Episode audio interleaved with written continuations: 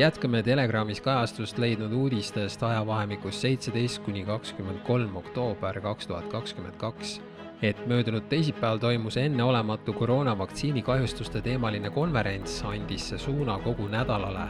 vaktsiinikahjustuste konverentsil kinnitati fakte, mida alles hiljuti tembeldati valeinfoks. kaheksateistkümnendal oktoobril toimus MTÜ Ikkagi inimesed poolt ellu kutsutud konverents haigeks teeme tasuta, aga terveks ravimine on su enda asi. mis saab edasi? kus käsitleti koroonavaktsiinide kõrvalmõjusid ja lahati vaktsiinikahjustuste kompensatsioonisüsteemi probleeme.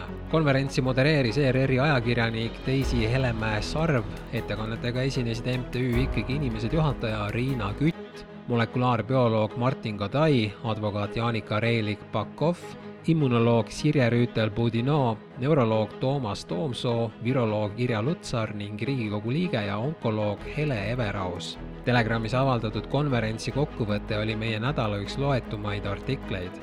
soovitame soojalt konverentsi teemal ilmus Eesti Päevalehes Villu Sirnaski arvamusartikkel, kus autor tõdes, et pehmelt öeldes on piinlik, et suure loosungi usalda teadust all toimunud koroonavõitluses pöördus suurem osa maailmast tihti nõrga või puuduva teadusliku tõestusega argumentide ning ebademokraatlike ja manipuleerivate võtete poole, nagu kurikuulus koroonapass või vaktsineerimata inimeste minemajamine osadest ametitest. Sirnas kirjutas ka, et peaminister Kaja Kallasel, kes pool aastat tagasi arvas, et vaktsiinikahjustuste fondi loomine saadab vale signaali, oleks nüüd tark kannatanutelt vabandust paluda ja algatada fondi tingimuste inimlikumaks muutmine riigikogus aga moodustati konverentsi tuules vaktsiinijärgsete terviseprobleemide lahenduste töörühm. Tuletame siinkohal meelde, et kogu see Sirnaski sõnul liiga agar ja ogar vaktsineerimiskampaania põhines valelubadustel kliinilistes uuringutes ei uuritud Covidi vaktsiinidel kaitset nakatumise ja raskelt haigestumise vastu. uuriti hoopiski seda, kui hästi vaktsiin suudab ära hoida Covid-19 sümptomeid, sealjuures valdavalt kergeid sümptomeid.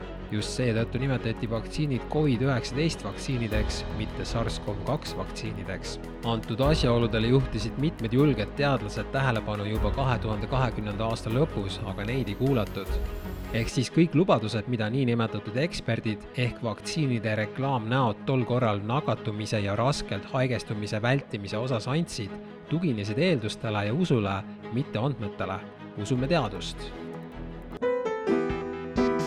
USA advokaat. See on ebaseaduslik, et FDA lubab Pfizeri Covid vaktsiini viie kuni üheteistaastastele lastele advokaat Aaron Siri, kelle võiduks saab lugeda ka aasta algul tehtud kohtuotsust, et FDA peab Pfizeri dokumendid avalikustama seitsmekümne viie aasta asemel kaheksa kuu jooksul, jagas neljandal oktoobril Fox Newsi intervjuus šokeerivaid VSafe'i andmebaasi andmeid. VSafe'is registreeritud kümnest miljonist inimesest seitse koma seitse protsenti vajas pärast süstimist arstiabi ja kakskümmend viis protsenti jäid töölt või koolist eemale või neil oli tõsine kõrvalmõju mis mõjutas nende igapäevaelu.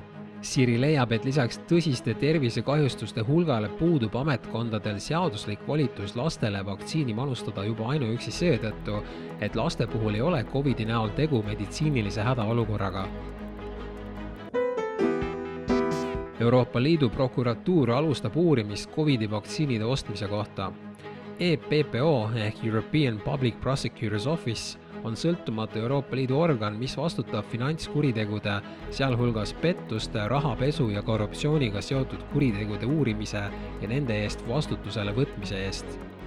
EPPO ei ole ametlikult täpsustanud, keda uuritakse või millised Euroopa Liidu vaktsiinilepingud on vaatluse all, kuid Euroopa Liidu Parlamendi liikme Christian Terhesi sõnul on uurimise all just Ursula von der Leyen tuletame meelde, et vaid paar nädalat tagasi palusime me peavoolumeedial Eestit külastanud von der Leyenile just samal teemal küsimus esitada.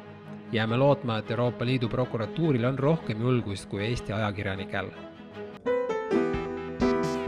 kahekümne esimese oktoobri hommikul toimus Riigikogu Euroopa Liidu asjade komisjoni ELAK istung, kus arutati telegram.ee algatatud kollektiivset pöördumist Eesti peab ütlema ei WHO niinimetatud pandeemialepingule, mis kogus ligi neli tuhat nelisada allkirja.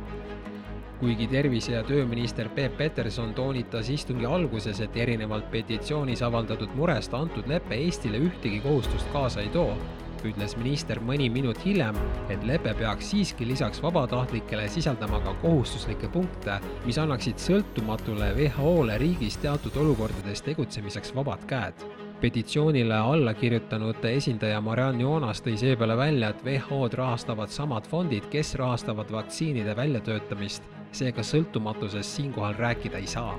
Euroopa Liidu asjade komisjoni liige Ruuben Kaalep uuris aga, kas Sotsiaalministeeriumil on kavas uurida ka rahva arvamust WHO pandeemialeppe osas Peterson vastas, et praegu seda plaanis pole. kokkuvõttes selgus antud koosolekul, et vastutaval ministril ei olnud WHO pandeemialeppe sisust, olemusest ja kaalukusest tegelikult halli aimugi muide, pühapäeval, kahekümne kolmandal oktoobril möödus aasta suurest meeleavaldusest Vabaduse väljakul, mil koroonaterrori vastu astusid üksmeelselt välja üldises koroonahüsteerias kaine mõistuse säilitanud väga erinevaid maailmavaateid ja ameteid esindavad circa kümme tuhat inimest. tol korral saime me peavoolumeedia poolt peapesu osaliseks. Ja kolm kuud hiljem, kui haiglas oli veel rohkem koroonapositiivseid, kogunes Vabaduse väljakule peavoolumeedia mahitusel ligi kakskümmend tuhat inimest suurele rituaalile, sest sõda võidab viiruse. Need olid Telegrami uudised möödunud nädalast. tule kapist välja ka sina, me kõik teame, et see on hauks